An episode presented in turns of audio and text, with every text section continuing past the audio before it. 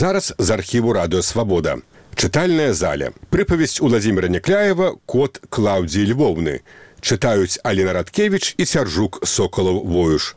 Запіс 2001 году.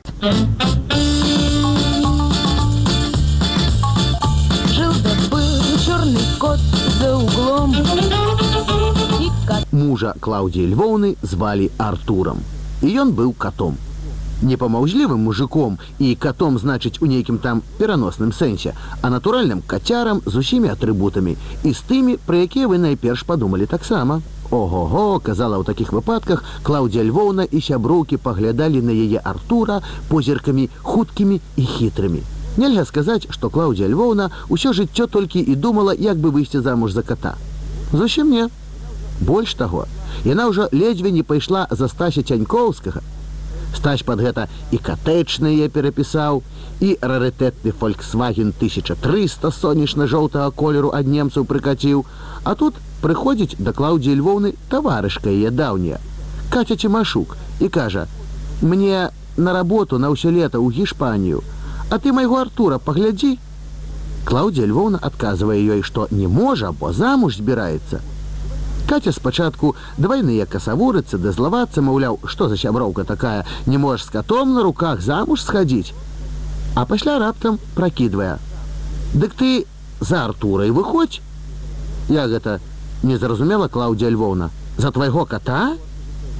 А чым ён горшы за твайго стася слушна спыталася катя. Нічым не горшы да таго ж яшчэ і кот і так яно ўсё неяк само по сабе і вырашылася Ён нейкі па-звярынаму шчыры заўважыла як першую праблему ў новым сямейным жыцці маці клаўдзі львоўны якой артур намяўкнуў што нездарма людзі кажуць калі хочаш ведаць якую будзеш мець жонку прыгледзьце уважліва да будучай цешчы шкада сказаў артур цешчы што перш як ажаніцца не меў магчымасці на вас хоць зірнуць. Даль бог сто разоў падумаў бы Ай ды малайчына ў захапленні ўскінуўся з канапы Леў Міронавіч, бацька Клаўдзіі Львоўны, якому жыць маці даўно абрыдла, але паколькі між імі таксама была дамоўленасць, што казаць яны адно аднаму будуць толькі праўду, дык ён казаў, што толькі адно адзіную яе кахаў і кахае.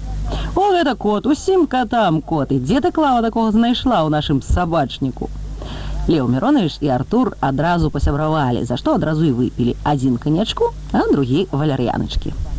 Артур, які льва Міроновича трошки пабойваўся, бо ў таго на насценным дыване над канапай вісела іменная зброя, пасля першага кілішка расслабіўся, закінуў лапу на лапу.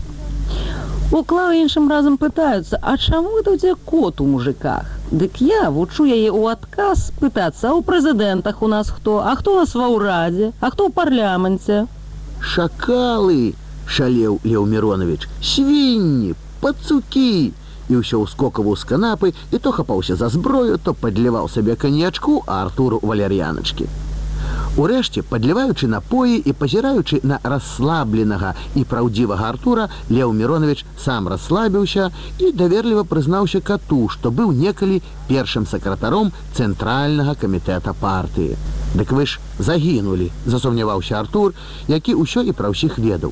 Вам жа маскоўскія КДБшнікі аўтакатастрофу падстроілі, бо вы ў крэмаль мецілі.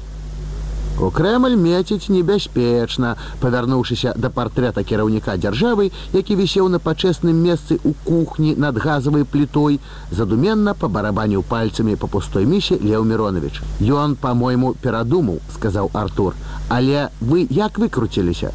А мае хлопцы партызаны мяне папярэдзілі і мы падсунулі для аўтакатастрофы майго двайніка. Паціраючы руки над кілішкам з каньяком шчасліва рассмяяўся Леў Міронович.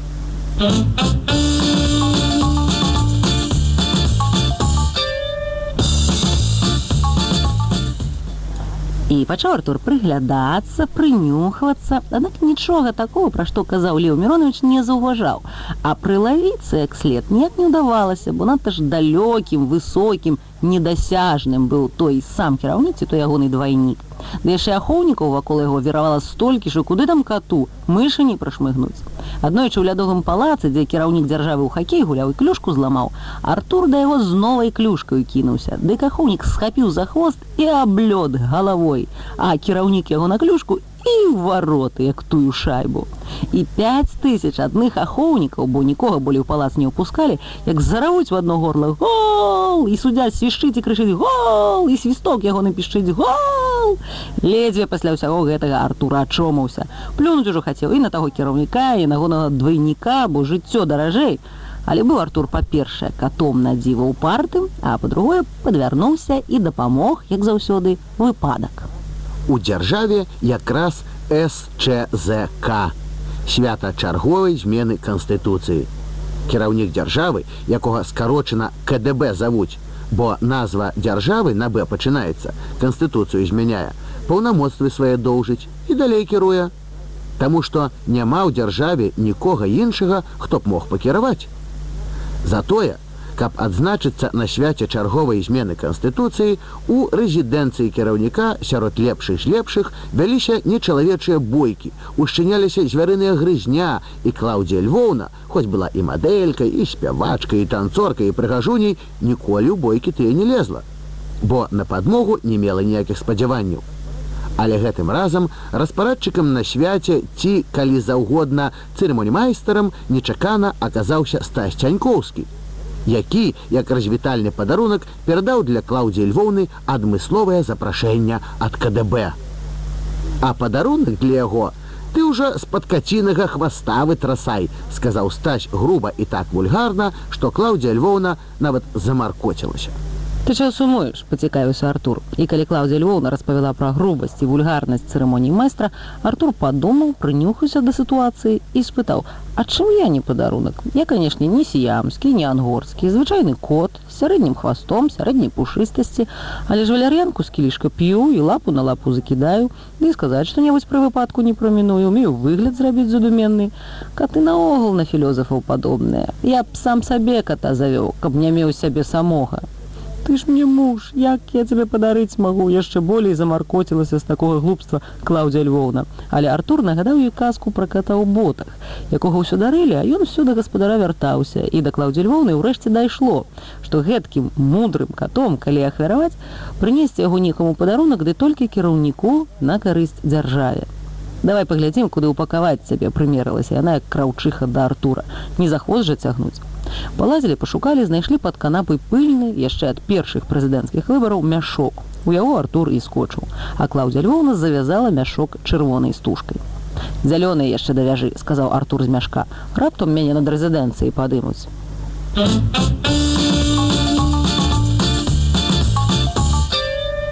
Калі чарга адорваць КДБ дайшла да Клаўдзі Львоўны, нікога з людзей, апроч яе, у банкетнай зале ўжо не заставалася толькі кот Артур, кіраўнік дзяржавы, стась цянькоўскі, ахоўнікі, ды нікому не бачны, нібы з паветра злеплены Леў Міронович замянной зброяй у руках і сваімі партызанамі на люстры. А што з табой за кот мудакаваты? — спытаўся кіраўнік дзяржавы. Здаецца, недзе бачыў я яго. Значыць, гэта лёс уздыхнула і развітальна пагладзіла Артура Клаўдзія Львоўна.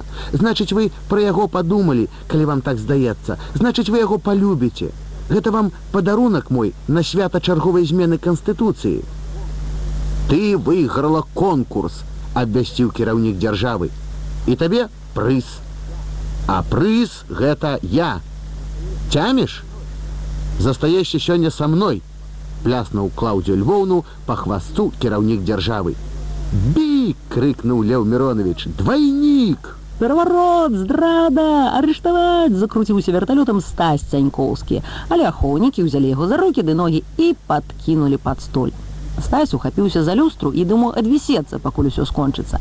Партызан на люстры з прададзенага стасем кулямета трах-тах-тах па ім, а стасю з таго нічога. Тады партызан дастаў з кішэні рагатку з прабоем, папляваў на той прабой, прыцэліўся і стась сам адпусціў люстру. Бі у адзін голас грымнулі партызаны і Артур з перапуду лупянуў кіраўніка дзяржавы пыльным мяшком пыл падняўся несусветны. А калі ён развеяўся на месцы кіраўніка дзяржавы пусты мяшок ляжаў. Стась цянькоўскі, які кулямёт з гнілымі патронамі партызанам прадаў і простое жывы застаўся, падполз да мяшка, памацаў яго і страшныя вочы зрабіў. Пуста. Бегалі, шукалі і ў полі і ў лесе, але КДБ нідзе не аказалася. Усе хоць і ў пылі знайшліся на сваіх месцах, а ён не знайшоўся. І нічога ад яго апрэч пылу не засталося. Начальнік аховы генерал СБ КДБ службы бяспекі кіраўніка дзяржавы атросся ад пылу і патлумачыў. Ён і так быў пыльным мяшком стукнуты. Другі раз нельга было. Можна было хоць пнём, хоць калодай, але не мяшком. Анігіляцыя адбылася, распад матэрыі. Пасля гэта нічога не застаецца. А што ён зрабіў для народа, каб застацца? Тупнуўшы па мяшку, спытаўся раптам Стась Цянькоўскі. І Леў Міронович зірнуў на яго з цікаўнасцю. Леў Міронович, што далей рабіць? спытаў генерал. Некага ж трэба народу час ад часу паказваць. Ці кінем гэтую ціганіну з двайнікамі і сапраўдныя выбары прызначым. Збіраліся мы і на палітбюро і вырашылі, што не саспеў наш народ для выбараў.